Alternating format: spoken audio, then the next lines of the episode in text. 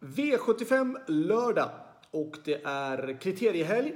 Fantastiska fina tävlingar. Det är ju V75 i dagarna två, både lördag och söndag. Och framförallt lördagen har ju V75-finalerna och kriteriet och Oaks-finalen. Så det är jätte, jättefina tävlingar både lördag och söndag. Själv sitter jag tyvärr i utvisningsbåset på lördag. Känns ju såklart surt, eh, men jag har själv satt mig i situationen och eh, det är såklart man vill gärna vara med och tävla. Man vill inte stå vid sidan om, men jag tycker vi har bra ersättningskuskar och hästarna känns fina så det ska bli bra dag ändå tror jag. Det känns i alla fall bra. Eh, vi ska gå igenom V75-omgången och vi börjar i V75 1. Där väldigt många spikar nummer två Haran Boko. Och det är befogat tycker jag med tanke på vad fin Haran Boko såg ut senast. Ehm, och han är en jättebra häst. Ehm, det finns inte så många som kanske kan trycka upp tempot heller så det finns en stor, det är en stor chans att Haran Boko får sitta i ledningen och bestämma väldigt mycket. Och av den anledningen med tanke på spår och allting så är det ju en bra spikförslag. Jag vill dock varna för att nummer 9, Sapdi Girifalco, känns jättebra. Han, eh, han har ju rått alla lopp väldigt bra. Och han eh, känns fin inför den finalen. Jag körde han själv i sista jobbet igår. Idag är det fredag. Jag körde själv i torsdags. Och han känns faktiskt jättefin. Ehm, det är klart att det är en stor nackdel att ha bakspår för SAP. Men eh, med tanke på hur han känns så tror jag att han kan göra ett, ett bra försök och utmana i alla fall.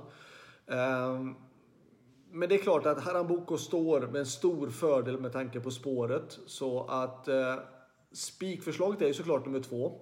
Där bakom tycker jag att 1. Eh, Heading Reference och 9 Saptiri Falco är de som kan utmana mest.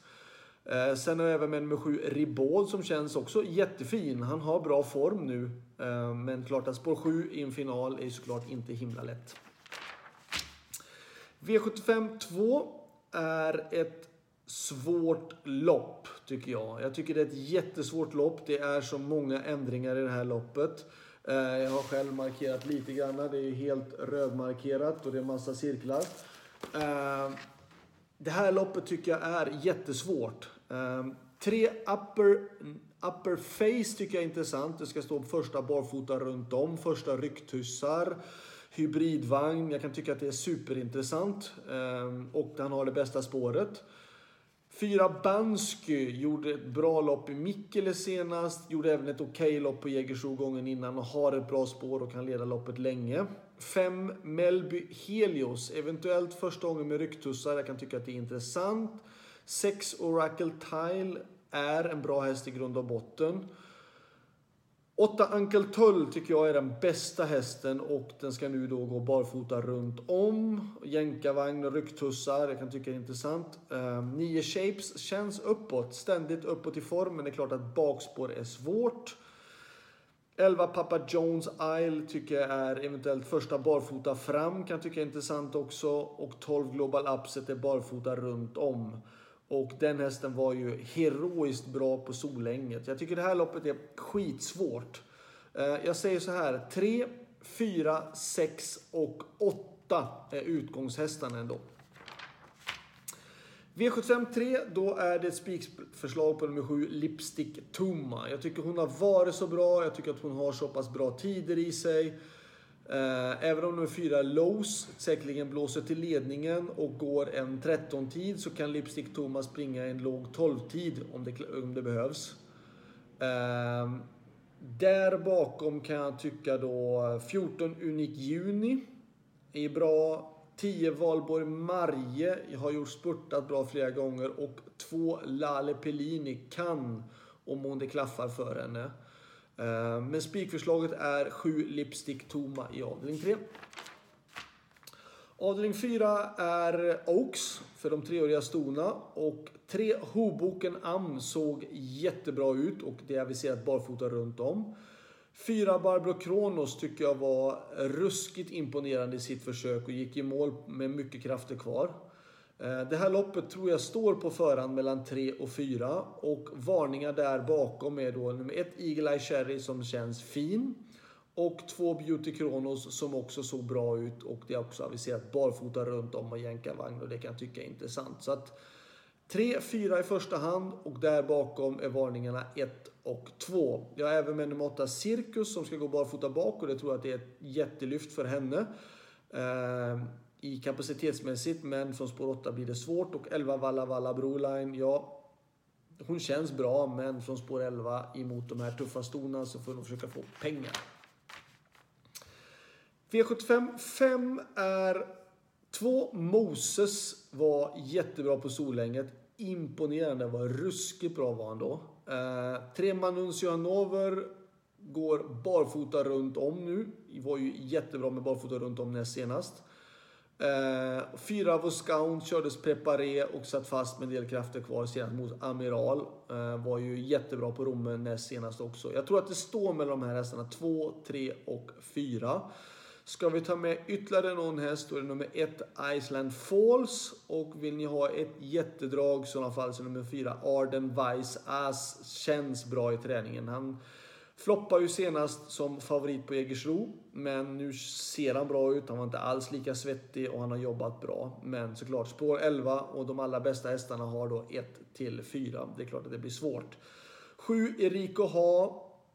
Känns fin, men spår 7 är ändå spår 7. Avdelning 6, då är det kriteriet.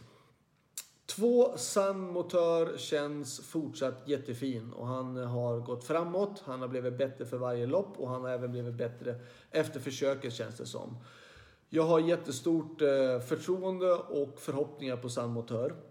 Ehm, självklart ska man ju då ha respekt för motståndarna och de som jag tycker var värst emot efter att ha sett försöken så tycker jag att nummer ett Headrun, tre Brambling och fem Önas Prins var de som såg bäst ut i försöken tycker jag emot.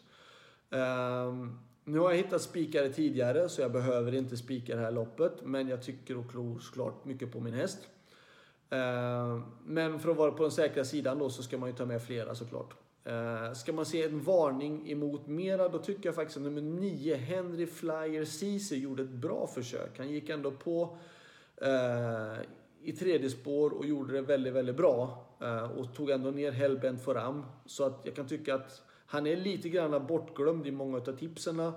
Och svarade för en bra prestation ändå senast. Så att, ehm, ja. Bakom där så kan han vara intressant. Eh, förresten, jag glömde att säga. Ja, Samotör ska gå barfota bak är det meningen och han ska lättas i balans. Om det är någonting som vi funderade på redan inför försöket men valde att köra med skor och vi tror att det ska vara eh, Eh, en bra ehm, en bra idé, något som jag har haft tanke på länge. Så jag hoppas att det ska funka också. Eh, V75 7. Då tycker jag att nummer två, Pleasure for Cash, eh, har bra läge och kan leda loppet runt om.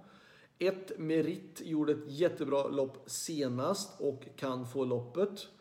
3 Everest Sisu är en fantastisk fin häst som spurtade ju då eh, jättebra när han vann på Solänget.